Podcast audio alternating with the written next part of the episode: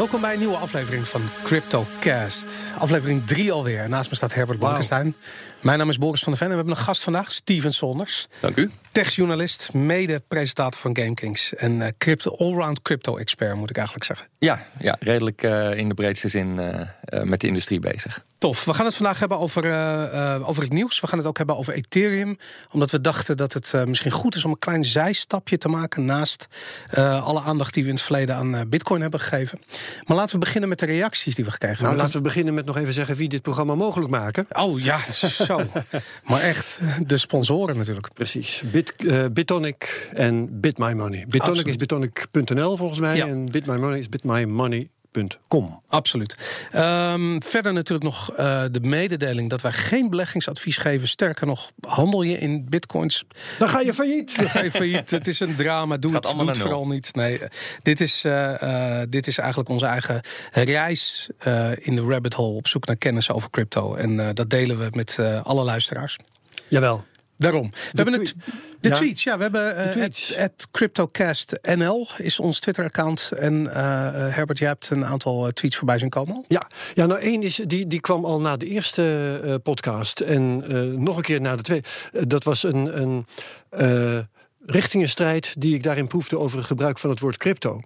Ja. Um, de twitteraar die zei: uh, uh, gebruik nou niet het woord crypto voor cryptocurrency. Want het woord crypto dat wil eigenlijk zeggen cryptografie.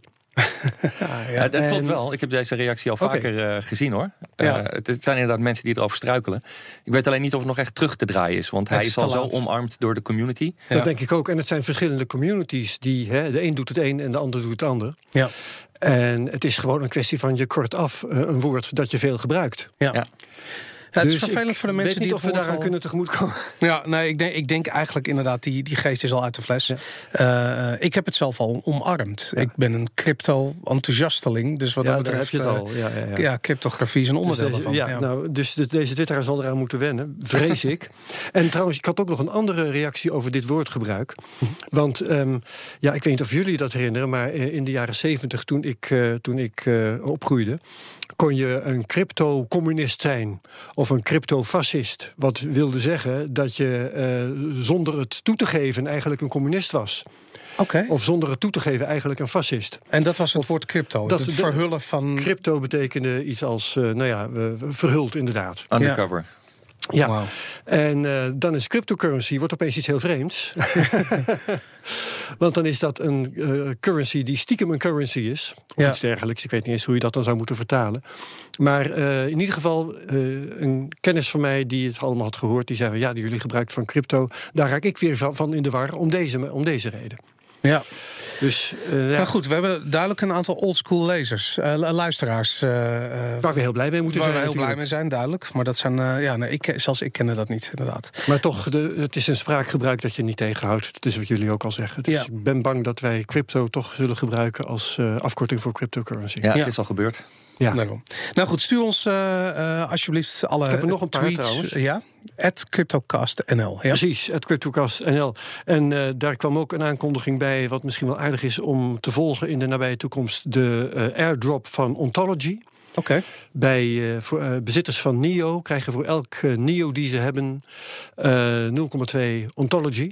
En wanneer gaat die fork plaatsvinden? Ergens in maart volgens mij. Ik weet het niet precies, maar uh, dat, uh, het begint in, in, in elk geval te zoomen. Ja.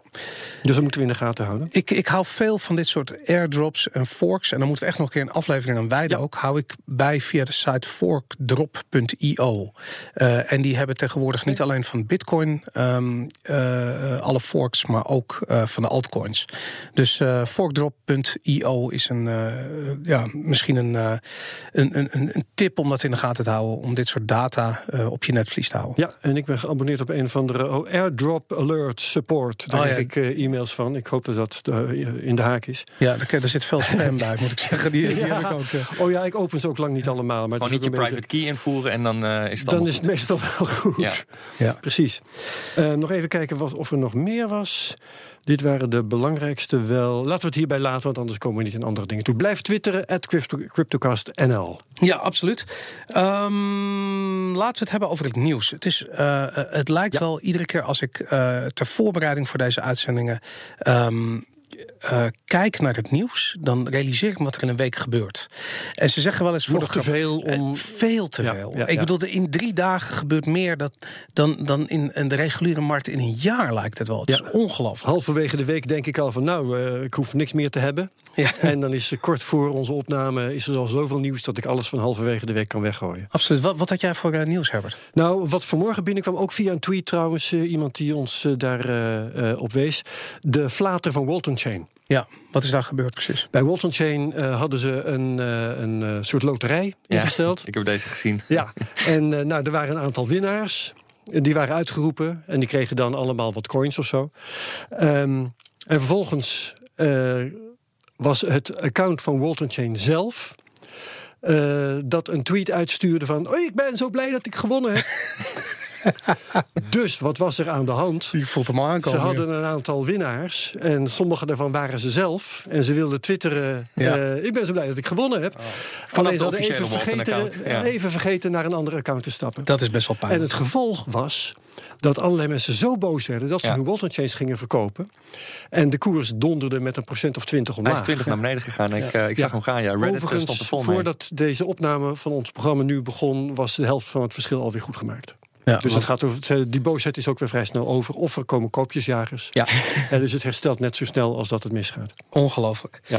Maar wel uh, leuk. Ja. Ik, uh, had je nog meer nieuws? Ja, veel meer. Um, uh, heb je gehoord dat uh, er weer pizza's zijn gekocht met bitcoin? Nou, sterker nog, door de originele pizzakoper. Ja, uh, niet, niet meer met 10.000 bitcoin, hoop nee, ik. Dezelfde man die in 2010 met 10.000 bitcoin uh, pizza's heeft gekocht, heeft dat nu van de week weer gedaan. Maar dan de, dezelfde twee pizza's, zal ik maar zeggen, met um, 0,006 bitcoin, als ik me niet vergis. In elk geval, kwam neer op een dollar of 60. Uh, maar dan via Lightning Network, waar we het vorige week over hebben gehad. Ja, ja, ja. En dat is Om dus dat wel de testen. eerste. Ik weet niet of het perfect. Er is ook een t-shirt verkocht, namelijk uh, anderhalve week geleden. Dus ik weet niet of de pizza's weer de eerste transactie waren. Nee, ik geloof het niet. Nee, nee maar dat had ik graag willen zeggen, maar ik heb ontdekt dat ik dat niet met zekerheid kon zeggen. Ik ben heel benieuwd of die 0,002 bitcoin die hij heeft betaald voor die pizza's ook weer een miljard waard is straks. Dat is precies wat ik denk. dat is precies wat ik denk. Hè, van, hoe, hoe, zullen we lachen over vijf jaar of zo om ja. dat bedrag? Maar dat, ja, dat moet, zullen we moeten afwachten. Wat heb ik nog meer? De Marshall Islands komen ook met een eigen coin. Vorige week hadden we het over de coin van Venezuela, de Petro. Ja. ja.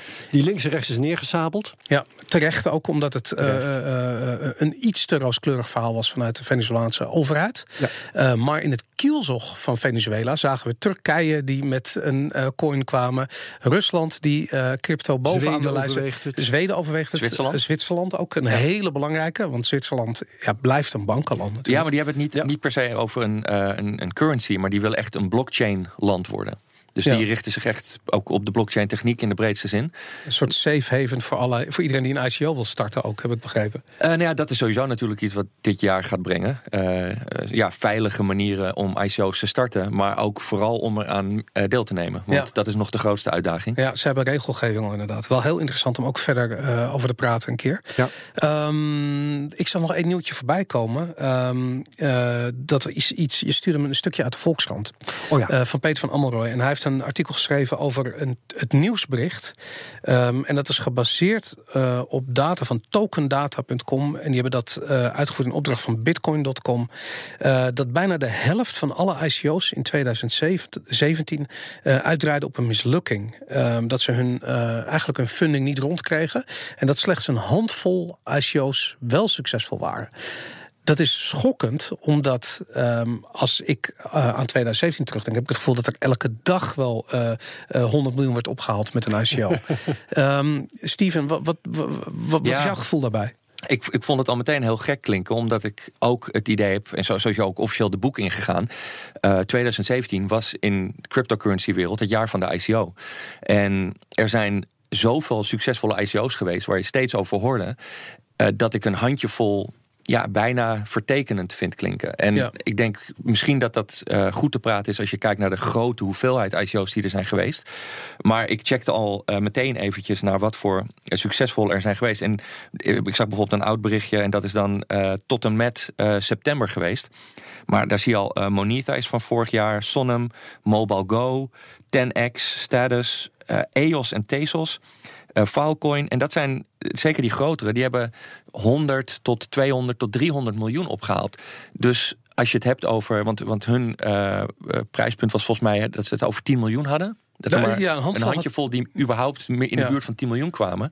Ja, weet je, deze top 10 lijst tot en met september, die begint al vanaf de 30, 40 miljoen. Ja. Dus er zijn als je het hebt over een handje vol, zijn het alsnog wel tientallen succesvolle ICO's geweest. Ja, zij, zij tellen overigens 902 uh, ICO's uh, in zijn totaliteit.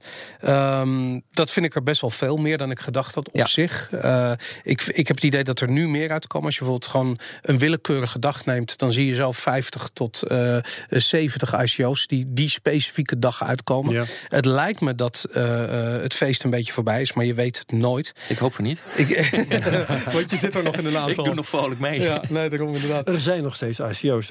Wat ik, wat ik leuk vond aan dit bericht trouwens. Um, als ik dan even uh, erboven ga zitten hè, en, en uh, rustig naar beneden kijk. Um, dat was dat het glas half vol kan zijn of het glas half leeg. En wat ik bedoel is dit. Um, Fortune.com kopte. Nearly half of 2017's cryptocurrency ICO project have already died. Dus bijna de helft is al ter ziele. Ja. Aan de andere kant ja, had je uh, Forbes. Die kopte Most cryptocurrency startups still alive and kicking after 12 months. Wat het is iets meer dan de helft. Ja. Het is allebei heel waar. Ja, ja, het is allebei waar. Dus dat vond ik wel heel vermakelijk. Dat je echt met wat je invalshoek bepaalt. Of je vrolijk bent of, uh, of dat je. Ik moet ook wel zeggen dat het aan de ene kant. Uh, het, het, is niet zo makkelijk uh, als, als, als ik nu zeg. Maar je, je ziet wel heel snel welke ICO's uh, bij de ene groep horen en welke bij de andere. En er is natuurlijk ook een heel grijs gebied, maar sommige die nu ook nog steeds uitkomen dit jaar, zie je gewoon van dat zijn hele interessante projecten, serieuze teams. En je ziet ook zoveel projecten langskomen, ja, die, die voelen al niet goed. Je ziet aan, aan alles hoe ze het opzetten, dat dat is er zo eentje, daar hoor je over twaalf maanden niks meer van. Dus ja, je, je kan daar wel redelijk uh, makkelijk in ieder geval een eerste schifting in maken. Nou, een uur voordat wij uh, deze opnamestudio ingingen, uh, bereikte ons het nieuws dat de Amerikaanse SEC, de beurswaakhond, ja, is begonnen met dagvaardingen tegen uh, ICO-ondernemers in Amerika. Ja. Um, uh, dat is begonnen, ze gaan echt helemaal terug naar het begin. Het is begonnen bij de uh, mensen die achter de DAO zaten.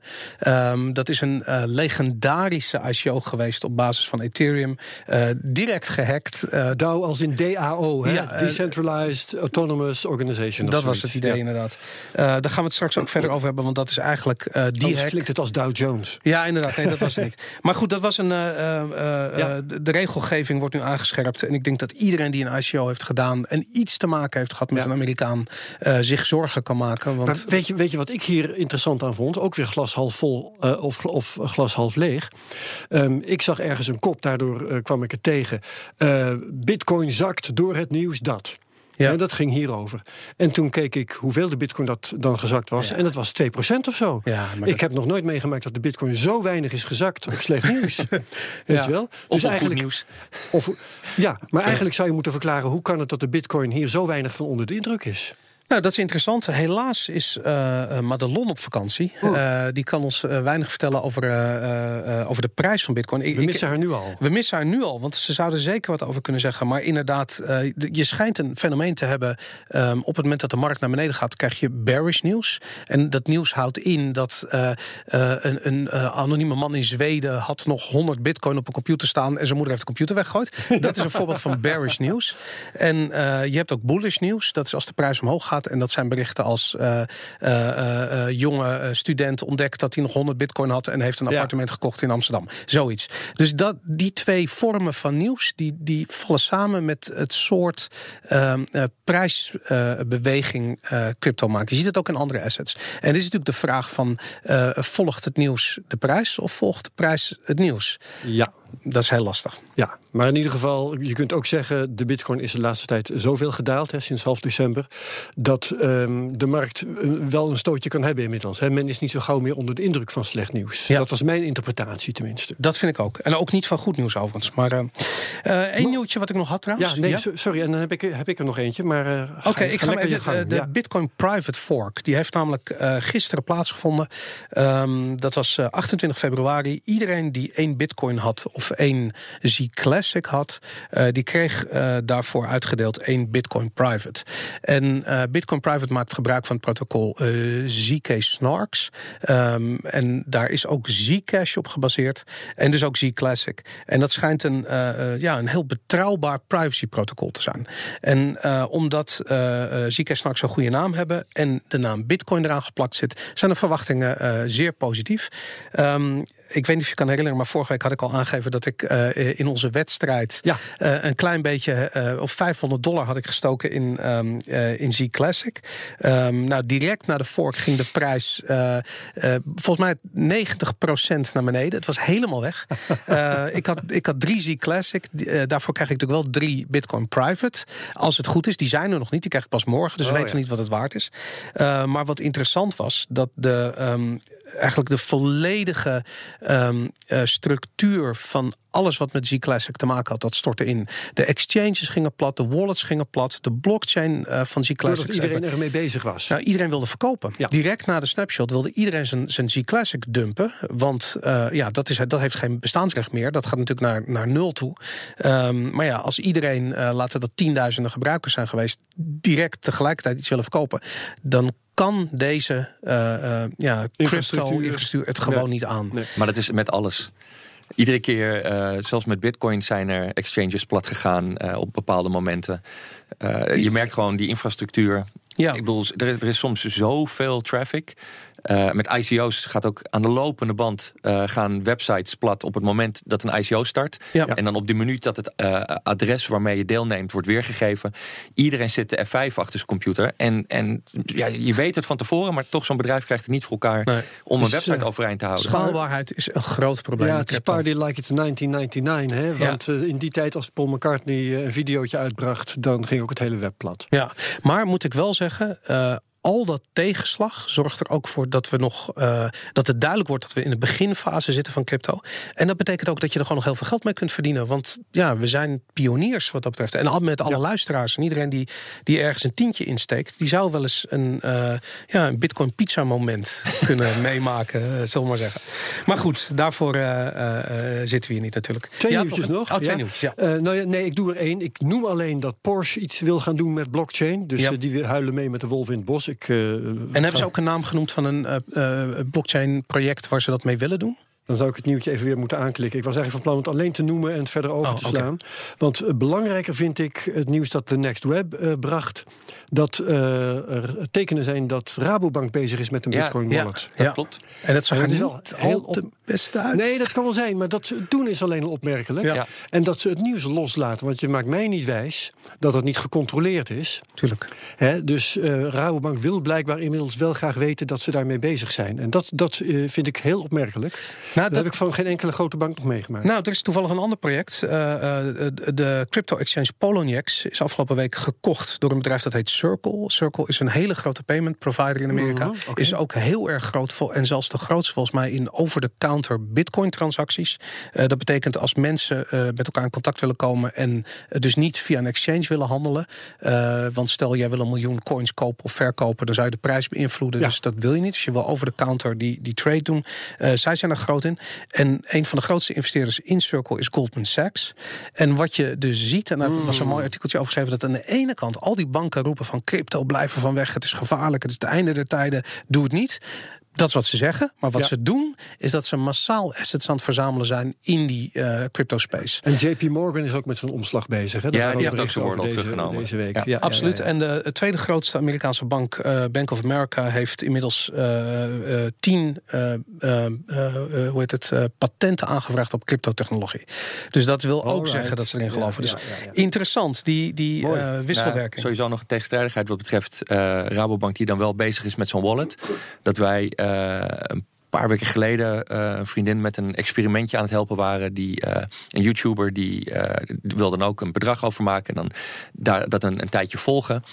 En dat werd gewoon keihard geblokt. de, de, de cryptocurrency aankoop via onder andere de Rabobank. Ja. Serieus? Ja. ja. Dat, is, dat is uh, ook uh, dat is niet 1999, maar dat is 2013. Ja, uh, volgens dat mij. gebeurt nog ja, steeds. mij dat dus. overkwam. Ja, ja, dus dat is dan gek dat ja, in de praktijk op, op, op een normale dag dagelijks gebruik je nog wordt geblokkeerd op een cryptocurrency aankoop. Maar achter de schermen zijn ze wel bezig met een wallet. Ja, ja. oké, okay, goed. Bizar.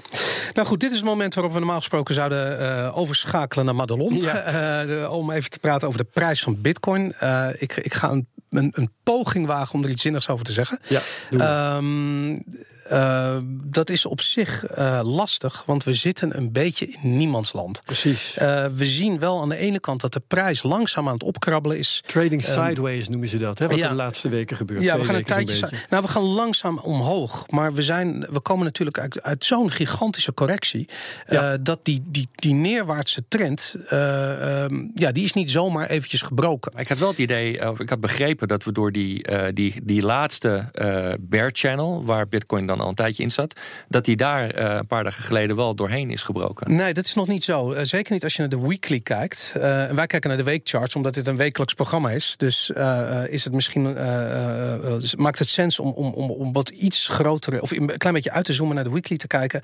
Um, sterker nog, Bitcoin zit tegen een hele hardnekkige resistance aan. Ja, 11, 12.000, hè, zo'n beetje. 11.600. Ja. en dat is de, de 50-day moving average. Uh, maar daarbovenop nog eens een keertje de Fibonacci, die ook tegenwerkt. Dat zijn, nou ja, dat, dat laat ik zo zeggen, totdat we door die 11.600 heen zijn, is die bearish trend nog niet uh, doorbroken. Dan zal ik hem in een andere candle hebben gezien, inderdaad. Maar ik, want ik zag ook een aantal van die analisten online.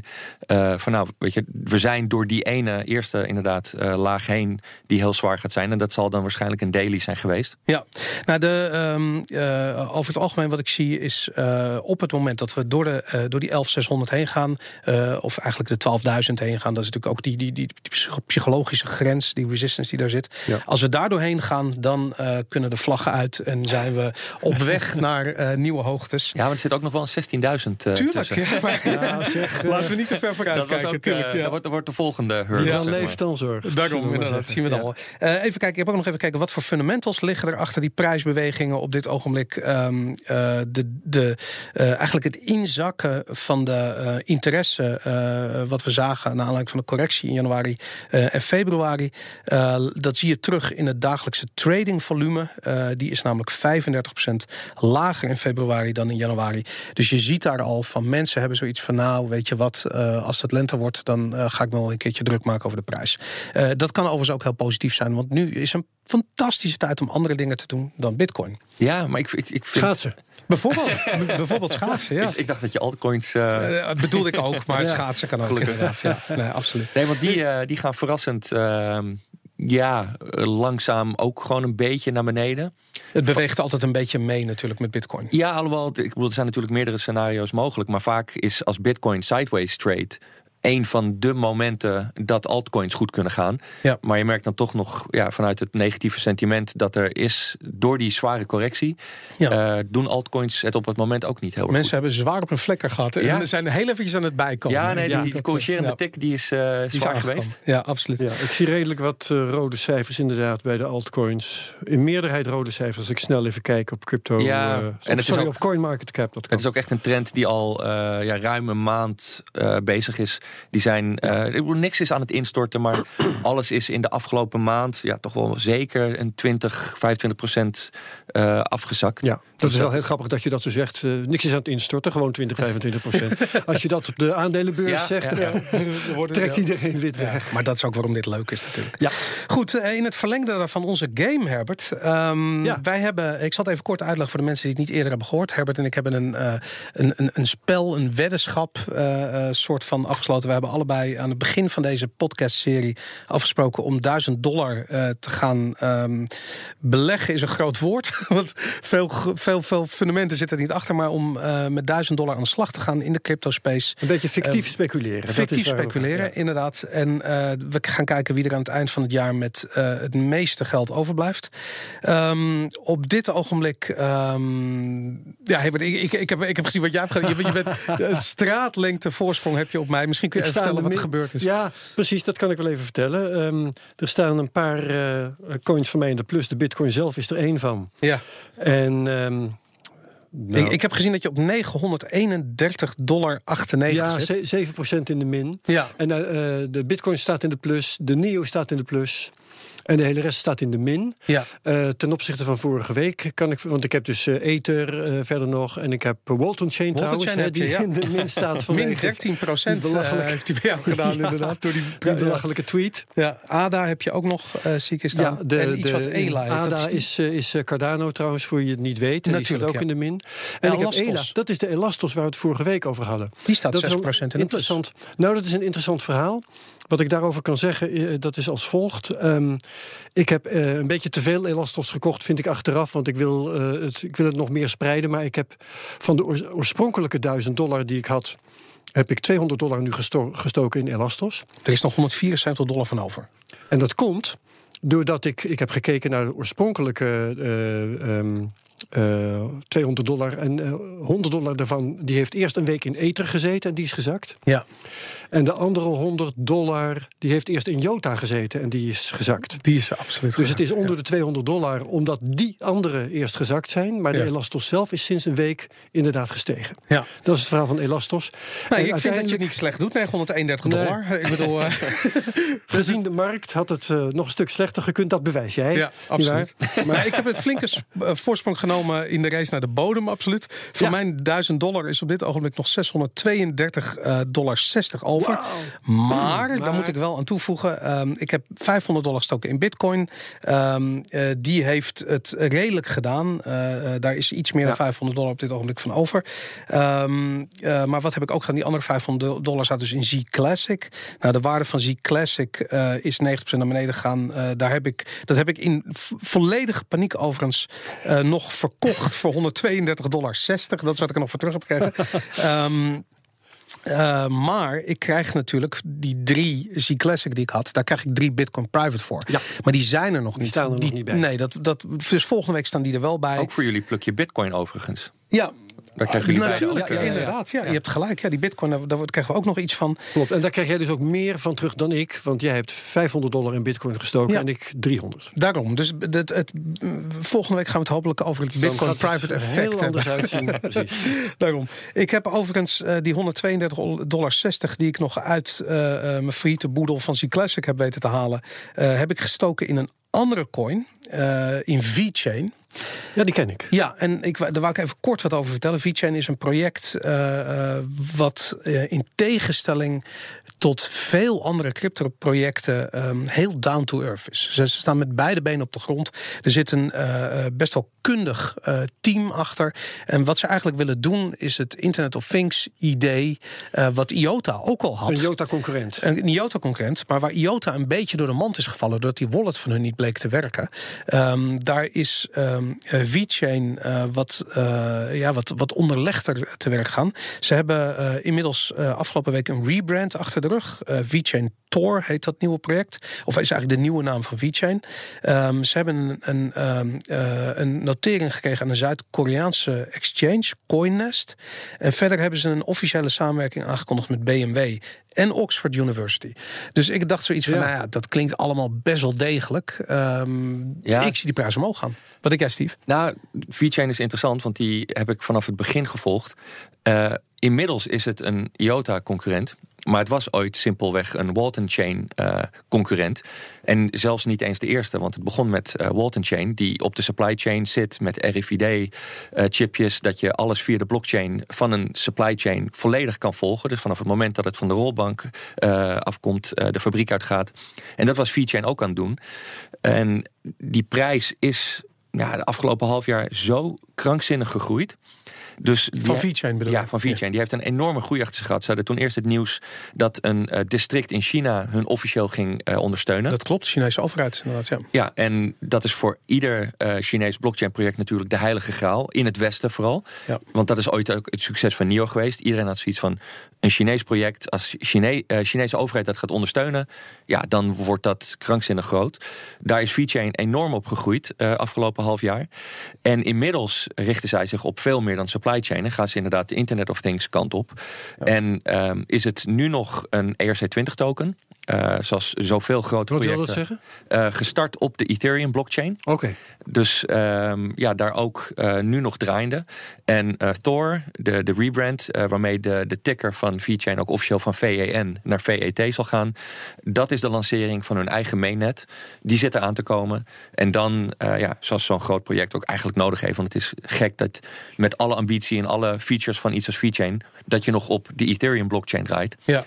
met met Thor gaat dus ook echt hun eigen uh, mainnet draaien en hebben ze hun eigen custom blockchain. Grappig dat het feit dat je een ERC20 token bent, dus eigenlijk op de Ethereum uh, blockchain draait, dat dat iets is wat voelt als iets generieks. Iets wat de uh, identiteit van de ten koste gaat van de identiteit van de coin. Nee, het hangt van het project af. De, omdat VeChain, waar ze nu mee bezig zijn, een Ethereum-achtig uh, project is. Het is bijna alsof ja, je zegt uh, dat je ook een OS aan het maken bent, maar je bent een applicatie die draait op een andere OS. Ja. En, en dat, dat, dat voelt gewoon niet. Je hebt een eigen blockchain nodig. Je hebt, ja, je, je ja. bent je eigen OS, je bent je eigen platform. Dus je, je ja. draait niet op een ander platform. Ja, duidelijk. Wat uh, um, de ontwikkelingen betreft, jij noemt Boris uh, dat ze met BMW gaan samenwerken bijvoorbeeld. Waarom zie ik dan nu niet meer gebeuren in die prijs? Dat zou toch een geweldige boost moeten zijn. Dat was eigenlijk al bekend. Dat, dat is het bizarre. Uh, by the rumors sell the news is het devies. En dat betekent dat, dat als zo'n gerucht erin is, dan, dan zie je het in de prijs. Dat hebben we gezien ook. Die prijs ging behoorlijk hard omhoog. En nu is het nieuws officieel en dan zie je eigenlijk dat de prijs weer inzakt. Maar ik denk dat dat tijdelijk is. Ik denk dat de coin uh, op dit ogenblik uh, um, het voordeel heeft van de unit bias, zoals dat heet. Uh, hij kost 5 dollar, nog iets, 25 of zoiets. En mensen vinden dat dan goedkoop. 503 staat er op uh, CoinMarketCap. Oh, nou dan is het hard onderuit gegaan de afgelopen 10 minuten. Maar in, in ieder geval, um, dat vinden mensen dan nog goedkoop. Ik bedoel, als je kijkt naar een bitcoin die 10.000 het zegt niks, want het gaat om de totale market cap natuurlijk. Ja. Um, maar, ik refresh en dan zegt hij 513. Ah, Oké, okay, nou goed, dat lijkt al meer op wat ik ja. uh, vanochtend uh, zag. Maar uh, ja, in ieder geval, dat, er zit vast nog wel wat groei in VeChain. Dus dat is, ja. Um, nou ja, goed, dat was mijn, mijn, mijn vijf satoshis, of mijn twee satoshis over VeChain. Ja, ik denk dat hij dat aan het eind van het jaar aanzienlijk hoger staat in in de CoinMarketCap uh, notering. Maar denk je dan dat dat geldt voor de volledige uh, top oh, nee, ik bedoel, ik bedoel echt, gewoon qua positie. Dus, oh, qua positie, dat, dus dat de market cap relatief oh, groeit ten opzichte van Hij de staat nu op 16. Ja, ja, nee, ja. ik denk dat dit uh, sowieso een top 10 coin is qua potentie en misschien zelfs nog wel aanzienlijk hoger. Interessant. Ja. Um, wat ik graag zou willen doen is verder praten over Ethereum. Dat is natuurlijk waarom uh, uh, Steven hier is aangeschoven. Uh, we hebben het de afgelopen twee weken veel gehad over Bitcoin. volledig terecht natuurlijk, maar er gebeurt meer. Um, de nummer twee coin op dit ogenblik is Ethereum. Um, dat is eigenlijk een heel erg bijzonder project, omdat het laat ik zeggen, toen Bitcoin ontstond, zijn er direct daarna een aantal Bitcoin-clones geweest. Um, Litecoin is een goed voorbeeld, maar ook Digibyte is daar een voorbeeld van. Dat waren gewoon forks van, van, van Bitcoin eigenlijk. Dash niet ook? Uh, een Dash is volgens mij een ander. Oké, okay, maar goed, dat, dat weet ik even niet precies. Uh, Ethereum was het eerste project wat iets uh, bijzonders toevoegde. En dat was namelijk het gegeven dat je met, door middel van een programmeertaal functionaliteit kon toevoegen aan de tokens op de Ethereum blockchain. De smart contract. De smart contract. Ik, ja. ik vermijden het woord eventjes, ja. omdat het zo afschrikt. Is, uh, wat is een smart contract precies? Ja, je, je legt eigenlijk nog een laag bovenop je transactie... waaraan voldaan moet worden voordat die transactie gebeurt. En dat kan een transactie zijn zoals we vanaf het begin gewend zijn met Bitcoin, dus een value transfer.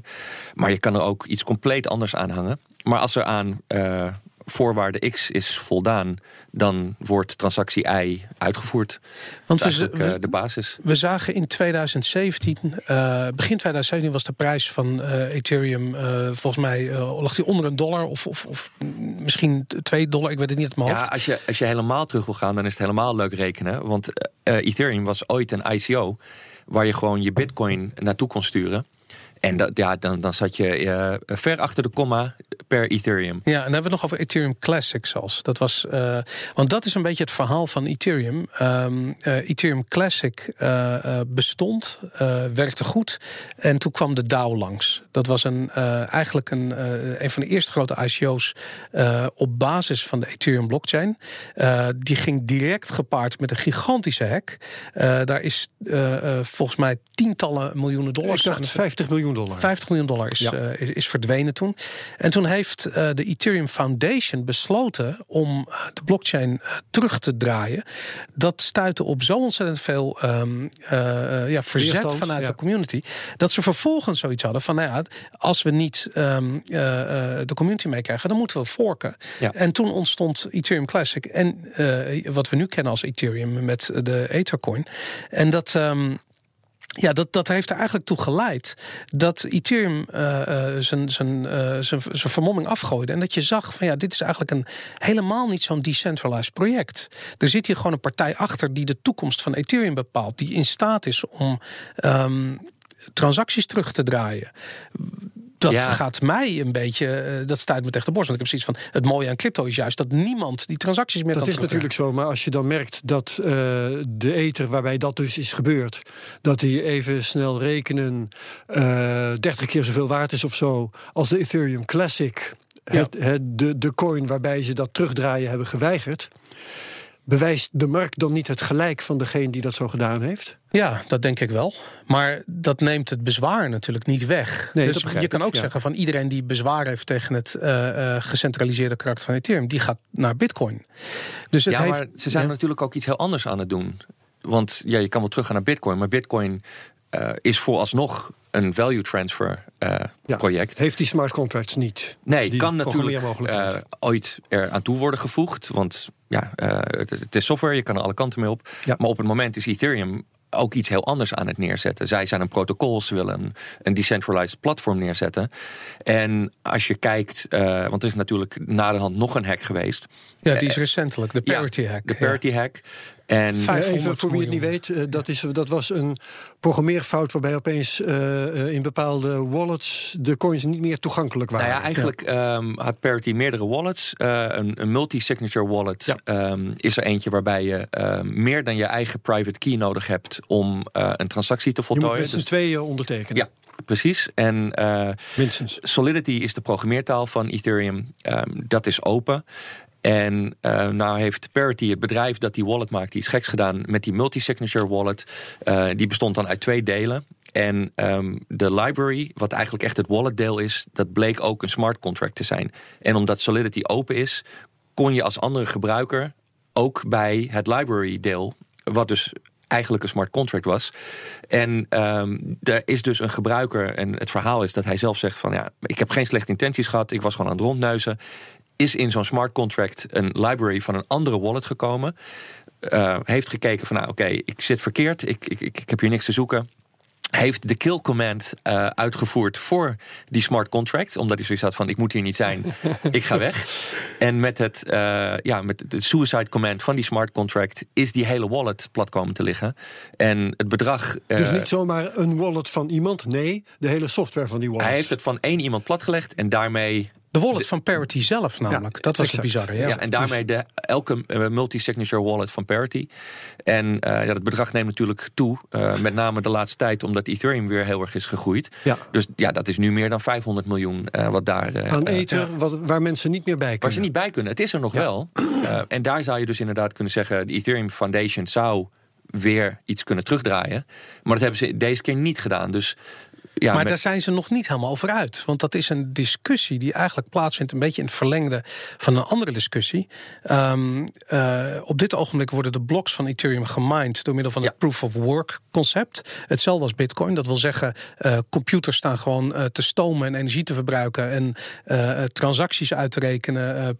problemen op te lossen en zodoende de veiligheid van het netwerk garanderen. Ja, daar hadden we trouwens ook nog een tweet over. Heb het eens over het verschil tussen proof-of-work... en dat andere wat je nu gaat zeggen. Proof, of, stake. Ja. ja. Steven, kun jij dat uitleggen? Proof of work versus proof of stake? Nou, proof of work is wat je net beschrijft. Uh, het kost daadwerkelijk uh, iets om een, een crypto uh, coin te maken. Energie voornamelijk. Ja, heel veel energie. En uh, daarmee is de veiligheid gegarandeerd. Want dat vervalsen kost meer energie dan er gewoon eentje maken. Dus uh, dat, dat is daar uh, de, de, de brede natie achter. En proof of stake, um, dat is het systeem waar Ethereum dan ook naar overgaat. Met de Casper update die eraan zit te komen. En dan is het simpelweg het hebben van Ethereum. Um, wat het netwerk draait. En ehm, het is nog niet helemaal bekend hoe ze het gaan aanpakken. De, de eerste uh, ideeën zijn dat je ongeveer vanaf 1000 Ethereum kan steken. En dan krijg jij uh, van het netwerk, omdat je die 1000 vastzet in het netwerk in een speciale wallet, uh, dan krijg jij ook dividend uitbetaald. Een transactiefee, als ja. het ware. En dan is het dus niet meer een, een computer die staat te stomen, maar is het puur het in het bezit hebben van Ethereum en dat steken in een speciale wallet die het netwerk draait. En dan zijn het die nodes die dus heel veel steken die het netwerk iedere keer, die iedere transactie valideren. Ja. En het is nog niet helemaal zeker hoe Casper het gaan doen, want en Vitalik en uh, de, de main developer Samfir, die hebben twee verschillende opties. Uh, Vitalik is Vitalik Buterin, ja, de, een van de, de grote, de, ja, de grote man grote, achter Ethereum. Brein, ja. En achter de Ethereum Foundation. Natuurlijk. Ja. Dus een van de gezaghebbers op het op het Ethereum-schip. Ja, maar het is wel interessant in de discussie uh, over dat er dan toch een centrale partij achter zit. Dat uh, het concept van de Ethereum Foundation is wel degelijk dat het een gedecentraliseerd project is dat niet in handen van iemand is. En de Ethereum Foundation, dat zijn alle partijen, waaronder ook Parity, die uh, op zichzelf staande bedrijven zijn en iets doen met Ethereum als project. Ja, dus ook belang hebben natuurlijk in een bepaalde ontwikkelingsrichting. Ik, ik, wat ik begrepen heb is dat een uh, proof of stake principe eigenlijk van de gebruikers vraagt dat ze vertrouwen hebben in de stakeholders. Uh, waar een proof of work principe uh, puur mathematische bevestiging is van transacties. Ja. Um, als je uh, een proof of work network zou willen overnemen, dan moet je dus de 51 procent hack toepassen. Oftewel zorgen dat je... Uh, Meer rekenkracht hebt dan alle anderen samen. Nou ja, om een voorbeeld te geven. Uh, op het Bitcoin-netwerk hebben ze uitgerekend... Uh, een 51% hack zou 3 miljard kosten aan investering in energie en processorkracht. en dan heb je één transactie die je kunt vervalsen. Ja, ja. Um, maar op het moment dat je een proof-of-stake principe hebt... en nogmaals, het is natuurlijk de vraag hoe ze het gaan implementeren. Ja, want daar hangt het allemaal vanaf. Ja, maar dan zou je dus in feite... gaat het uh, ja, om vertrouwen van die uh, 51% stakeholders. Ik moet je eerlijk zeggen, bij Ethereum, het vertrouwen moet je al hebben in de uh, Ethereum Foundation en hun richting die ze opgaan en hun bedoelingen die ze hebben. Ja. Dus dat vertrouwen in die stakeholders, dat is eigenlijk vertrouwen in de Ethereum Foundation.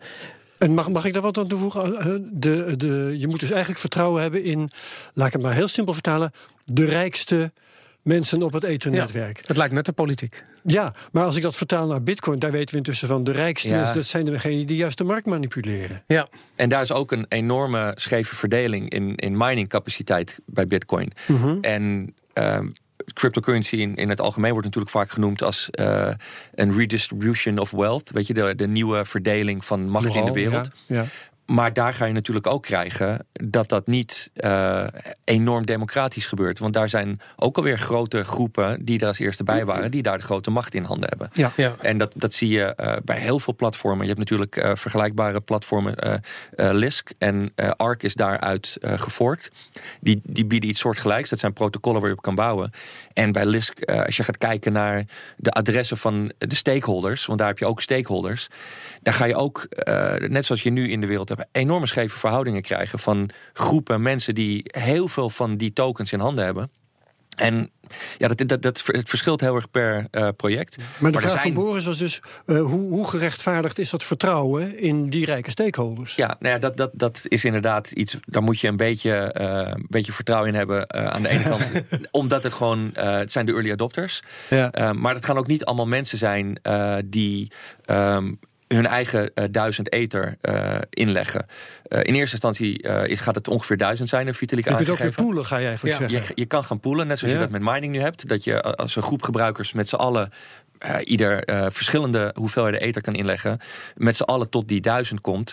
En dan uh, proportioneel aan jouw inleg ook die dividenden gaat krijgen. Dat mag gewoon. Ja. En um, ja. om even het voorbeeld van die duizend aan te houden. in dat voorbeeld heeft Vitalik ook gezegd. Dat gaat afnemen door de jaren heen. en het, het, het, zou bijvoorbeeld van duizend naar tien kunnen gaan. Ja. Dus dan heb je ook al veel meer mensen die stakeholder kunnen zijn. Als privépersoon. Die, die niet van die enorme grote machtige uh, uh, posities hebben. Ja, niet dat, dat 10 ether niet veel is, maar dat brengt het alweer in een andere, nou, andere laag. Het gaat me ook om het belang van de stakeholders. En als je nu kijkt, van jij zegt van ja, de Ethereum Foundation, daar zitten natuurlijk de grote partijen in, die zullen uh, in principe de meeste ether hebben en dus ook de meeste zeggenschap hebben. Laten we Parity nemen. Die organisatie heeft er ontzettend veel belang bij dat die blockchain wordt teruggedraaid en dat ze hun geld terugkrijgen. Ehm, ik als gebruiker heb daar misschien wel helemaal geen uh, behoefte aan. Want uh, uh, ja, ik heb transacties gedaan. Ik, ik, ja, het, het zou best wel eens de naam Ethereum kunnen schaden.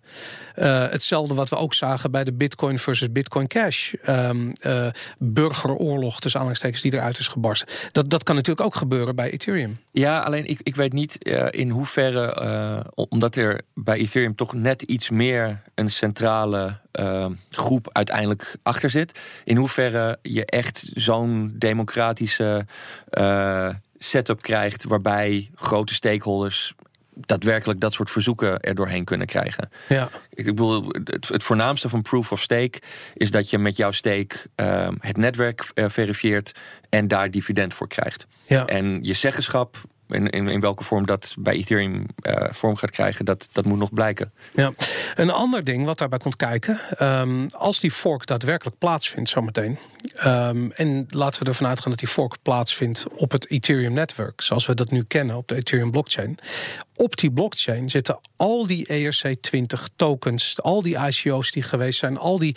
En dat zijn geen kleine projecten. Daar zit, nee. daar zit tientallen, soms zelfs honderden miljoenen aan market cap in. Wel meer als je alles bij elkaar optelt, wat ik net al zei. Bijvoorbeeld zelfs uh, zo'n V-chain die dan al in de top 20 staat, is nog een ERC20 token. Daarom. En zo zijn er zoveel van dat soort projecten die uiteindelijk wel op zichzelf gaan staan, maar die draaien nu allemaal nog op uh, Ethereum feitelijk. Ja, wat ik dus hoorde is omdat die coins allemaal op die blockchain draaien en op het moment dat je die Ethereum blockchain zou veranderen, zou forken of zou terugdraaien, wat eigenlijk ook een fork zou zijn, um, dan schaadt je dus niet alleen uh, Ethereum, of je verandert niet alleen uh, de status van Ethereum, maar van al die tokens die op die Ethereum blockchain draaien. En de theorie is dat omdat dat eigenlijk niet kan en dat de belangen zo groot zijn, dat Vitalik Buterin en zijn Ethereum Foundation misschien wel zou kunnen zeggen van weet je wat, we gebruiken niet Ethereum om te forken naar een proof of stake uh, concept. Nee, we gebruiken Ethereum Classic om te forken naar een proof of stake concept. Zie je dat gebeuren? Nee, ik kan het me echt niet voorstellen. Want dan schop je iedereen die nu heeft geïnvesteerd en vertrouwt in het Ethereum-platform, die schop je tegen de schenen. En ja, als je gaat kijken naar cryptocurrency, dat, dat weet je allemaal. Als je naar uh, de communities kijkt, er heerst zo'n uh, sterke sfeer van, van tribalism dat het, het, is alsof het uh, voetbalsupporters zijn. Weet je, die groepen mensen die, die ondersteunen hun hun lievelings cryptocurrency met een soort van passie, alsof het, alsof het een voetbalteam is.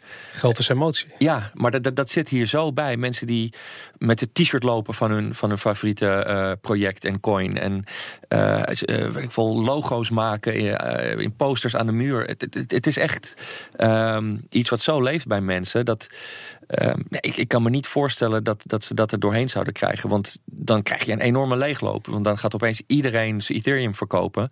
En uh, Ethereum Classic kopen. Nou, we hadden het er net al over het verschil. Je berekende volgens mij even snel. Is, is een, een factor 30. Ja, zoiets. Ja, dus ja, weet je, dan krijg je die chaos van een, van een Z Classic fork uh, gisteren, die Bitcoin Private. Dat, die gaat nog een keer. En dan krijg je een, een, een dump en een leegloop. En dat soort, dat soort vorken zijn zo gevaarlijk voor je, voor je naam. En, de coins die van de Ether afhankelijk zijn, wat jij net noemde, Boris, die zijn, die zijn dan ook de zaak. Dus dan... Maar Ether blijft gewoon bestaan. Ja. Dat is juist het mooie. Dat blijft bestaan, dat blijft proof of work. Uh, maar Ethereum Classic verandert. Ja, de vraag is wat voor een effect het heeft. In, in, theorie is het niet schadelijk voor die projecten. Want die draaien gewoon op de blockchain. En de waarde van die blockchain doet er niet toe. Ja. En, en, en het merendeel gaat ook op zichzelf staan uh, te zijner tijd. Nou, het doet er wel toe. Want als Ethereum minder waard wordt, is het minder interessant om Ethereum te minen. En als het minder interessant is om te minen, zullen er minder miners zijn. Betekent dat gewoon de hashing rate van het hele netwerk uh, achteruit gaat. Ja, maar als het de overgang naar proof of stake is die dit veroorzaakt Um, en ze zouden ook met het traditionele Ethereum uh, naar proof want dat is volgens mij, voor, voor, zover het er nu allemaal staat in de roadmap. Um, het is één grote update uh, voor Ethereum. Overkoepelend heet dat Metropolis. Uh, wordt in twee uitgerold. Het eerste deel, Byzantium, is er al. En het uh, tweede deel, uh, Constantinopel, die zitten aan te komen. En uh, het idee is dat ze Casper, um, dus de overgang van proof of work naar proof of stake, waarschijnlijk tegelijk met Constantinopel gaan uitrollen. Dus dat wordt één enorme update, waarmee Ethereum volgens Vitalik zelf naar, qua naam naar Ethereum 2.0 gaat. Zo groot is die verandering. En dat, dat is feitelijk de Constantinopel update. samen met Casper. En die twee zullen ze in één keer gaan forken waarschijnlijk. En wanneer gaat dat gebeuren? ja, dit jaar. Dus ik bedoel, er, is geen, geen datum. Maar dat, dat zit er wel echt aan te komen. Maar Boris, even uh, voor mijn uh, begrip. Uh, wat is nu precies hachelijk voor andere coins die op de Ether gebaseerd zijn? Is dat de fork zelf? Of is dat de mogelijkheid van eventueel die parity hack terugdraaien? Nou, ik denk dat het terugdraaien van die parity hack is alleen voor het bedrijf Parity interessant en verder voor helemaal niemand. Um, Maar dus ik denk dat het effect daarvan valt wel mee. um, ik denk dat andere coins, zoals NIO bijvoorbeeld, uh, en volgens mij Cardano ook, uh, is ook zo'n soort uh, smart contract platform, toch? het is absoluut zo'n platform. Ja. Het verschil is NIO bestaat al. Ja. En Cardano is toch, vooralsnog nog, vaporware. Ja. Het is een hele mooie whitepaper. Daarom inderdaad. maar goed, in ieder geval, die, die andere projecten zouden wel eens heel erg veel garen kunnen spinnen bij het feit dat Ethereum Ethereum uh, aan een, uh, ja, een gelijkaardige strijd uh, ten onder gaat als waar Bitcoin en Bitcoin Cash in verzeild zijn precies, Het is één op één zo'n situatie weer. En dat, je ja, ziet, dat zijn die twee grote namen die er al jaren zijn, die op een gegeven moment de hete adem van andere projecten voelen die technisch geavanceerder zijn. Bitcoin heeft dat ook. Ik bedoel, Lightning Network is nodig zodat zij zich kunnen wapenen tegen uh, projecten als Nano en allemaal pure value transfer projecten die sneller, efficiënter zijn, noem maar op. En Ethereum heeft precies hetzelfde. Want als je gaat kijken naar transactions per second, zit Ethereum relatief zo laag. Ja. Um, en, uh, Wat is het getal dan? Bij Bitcoin is het 7 per seconde of zo? Is het, is, is het 14 of iets in die hoek? 14, ja. oké. Okay, ja, ja CryptoKitties heeft de, de applicatie CryptoKitties heeft Ethereum echt op zijn knieën gekregen. Ja, gewoon. ja, ja, ja. En um, met uh, uh, plasma wat er aankomt uh, en sharding. Wat, wat is plasma? nou, dat zijn twee scaling opties. Um, en ze doen allebei scaling in de vorm van sidechains. En dat is um, iets wat uh, voor de purist een, een, beetje vloek in de kerk is. Omdat, net zoals bij Bitcoin bijvoorbeeld, met uh, Segwit had je al het verhaal. Uh, een purist wil gewoon één blockchain en alle transacties worden gewoon door alle nodes op de blockchain geverifieerd. En als je daarvan afwijkt, dan, ja, dan wijk je af van de traditionele visie van een blockchain. Uh, maar soms kan het natuurlijk heel interessant zijn om iets los van de grote blockchain te doen. In het geval van Ethereum uh, waar je natuurlijk decentrale applicaties op kan draaien. Ja, is het voor sommige applicaties niet nodig om door iedereen op dat netwerk het te laten verifiëren. Uh, het kost heel veel moeite, heel veel ja, belasting van het netwerk. Dus dan ga je een sidechain maken. Um, als je een applicatie hebt die specifieke functies doet, die, die draaien alleen op die sidechain. En om de zoveel tijd laat je die door het hele netwerk, uh, door de hele blockchain verifiëren. En zo ontlast je uh, het, ja. het, hoofdnetwerk. Ja. En uh, Plasma doet dat door een sidechain die een specifieke functie heeft. en um, je krijgt ook sharding. En dat is feitelijk een kloon. Dus dan ga je echt letterlijk het hele Ethereum-netwerk nog een keer draaien. Naast het gewone Ethereum-netwerk. Um, dus dat is echt een één op één kloon. Ja. En een sidechain in de vorm van Plasma is dus uh, ja, weet ik van, een decentrale applicatie die iets doet met persoonsgegevens. Die doet dat alleen op een, op een ja, echt een exclusieve uh, custom sidechain. Dus niet een complete kopie van. Er is nog iets wat, wat ik niet snap en wat, uh, wat een van jullie mij misschien kan uitleggen. Als ik mensen moet uitleggen hoe moeilijk het is om de bitcoin te veranderen van dat energievretende systeem dat je nu hebt naar iets anders, dan leg ik uit dat alle miners hebben geïnvesteerd in uh, die energievretende apparatuur. En dat het dus tegen hun belang is dat dat verandert. Ja. Um, als je als Ether straks overgaat van proof of work, wat dus dat energievretende systeem is, naar iets anders, heeft Ether daar dan geen last van? Van miners die zich verzetten? Nou, er is een groot verschil in hoe uh, beide projecten worden gemined. En Bitcoin is natuurlijk ooit begonnen met huistuin- en keukencomputers. Ja. En in die eerste jaren kon je heel veel bitcoin minen met jouw gewone uh, computer die je thuis had staan. En die zijn op een gegeven moment uh, is dat zo moeilijk geworden, dat algoritme, dat je daar uh, dedicated hardware voor nodig had. Ja. Toen zijn ze naar ASIC hardware gegaan. En dat zijn die dure installaties die nu in IJsland en overal in van die enorme serverparken draaien. Ja, en dat, dat, dat ja. zijn hele dure installaties. Tot Argentinië aan toe geloof ik, of Venezuela. Ethereum wordt nog gewoon op normale PC's gedraaid of gemined. Um, maar dan wel natuurlijk al wat meer uitgebouwd. Je ziet die mining PC's waarin je zes videokaarten draait. Ja. Videokaarten zijn al uh, lange tijd bijna niet meer te krijgen door deze hype. Maar ja, daar heb je gewoon nog mensen die hebben ge geïnvesteerd in een PC met heel veel videokaarten. En die kunnen meteen over op andere. Dat gaat nog wel, ja. Ja, ja, ja, ja, dan schop je niet dat soort uh, enorme investeringen. Je kunt andere coins met diezelfde hardware Precies, je, je kan meteen door en er zal misschien wat verschil zitten. er zijn al heel veel mensen die zijn al over van Ethereum naar iets anders wat lucratiever is in, in hun ogen. Ja. Dus ehm, dat, dat zal daar niet zo'n uh, zo'n chaos teweeg brengen. duidelijk. Ja, duidelijk. Herbert, we, we, zitten inmiddels op een uur. We zijn al een uur aan het praten. Moeten we onze mond maar weer houden. De tijd vliegt als wij deze CryptoCast opnemen. En ik zou rustig nog twee uur kunnen doorpraten. Um, nou, gooi dan nog één vraag aan, uh, aan Steven eruit als je die hebt. Uh, ja, um, waar ik eigenlijk um, ook als potentiële investeerder, want ik, ik, ik, ik heb er niet veel geld in en ik, ik, ik durf dat ook eigenlijk niet echt. Maar um, als je kijkt naar de prijs van Ethereum op dit ogenblik, de, de geruchten gaan natuurlijk al zeker zes maanden over waar uh, Ethereum 2.0 precies over gaat gaan. Ja. Uh, proof of stake, die fork die eraan zit te komen. Je noemde al Constantinopel, Casper. Um, um, ja, die updates die komen eraan. Heb je het gevoel dat de prijs in de geruchten zat. En op het moment dat we Ethereum 2.0 hebben, dat we eigenlijk Ethereum zien leeglopen? Of denk je dat we nog niet eens begonnen zijn met het bouwen naar het werkelijke prijsniveau van Ethereum? Nou, ik heb het idee dat, uh, want hij heeft, heeft, natuurlijk heel lang stilgestaan. En hij is toen van die 400 dollar helemaal teruggezakt. Uh, zelfs uh, volgens mij 180 of zo. Ja, en hij heeft zelfs nog lager gedipt eventjes. 129 was volgens ja, mij Hij is echt, echt heel laag gegaan. Ja. Uh, toen lange tijd geconsolideerd. En toen die mooie run-up naar 1400. En dan ja, nu 900 tot 1000, waar die steeds een beetje blijft zitten. Dat, dat is gewoon puur wat Ethereum hoorde te doen volgens de grafieken.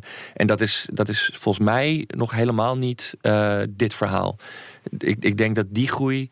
Uh, net zoals eigenlijk, ja, het loopt een beetje synchroon met Bitcoin. Net zoals dat Bitcoin eigenlijk nog de Lightning Network boost moet krijgen in de prijs. Als die komt. Het is allemaal speculatief ja. natuurlijk. Maar ik heb het idee dat Ethereum het. Um, ja, de boost van de, de volgende komende updates, die moeten nog echt uh, die moeten nog komen. Dus al die halleluja-verhalen van 4.000, 5.000 dollar voor een Ethereum zijn nog best wel denkbaar ik, voor dit jaar, als het goed loopt met de markt, is dat absoluut waar het makkelijk uh, zou moeten uitkomen. Bizar. Nou, fantastisch in ieder geval. Steven Sonnes, dank voor je komst. Uh, ik sta nog steeds een beetje na te tollen van al deze informatie. Uh, ja, ik vind het wel. heel interessant. Um, ik wil ook Herbert bedanken, mijn co-host. super. Um, ik wil natuurlijk ook onze sponsors bedanken: Bit My Money en Bitonic. Bitmymoney.com en bitonic.nl moet ik zeggen natuurlijk. Um, ik wil ook alle luisteraars bedanken. En als jullie feedback hebben, laat het vooral weten via Twitter. Op en aanmerkingen. Op ja. en aanmerkingen natuurlijk. At CryptoCast. NL. Ik wou .nl zetten, maar dat is niet. Nee. CryptoCastNL via Twitter.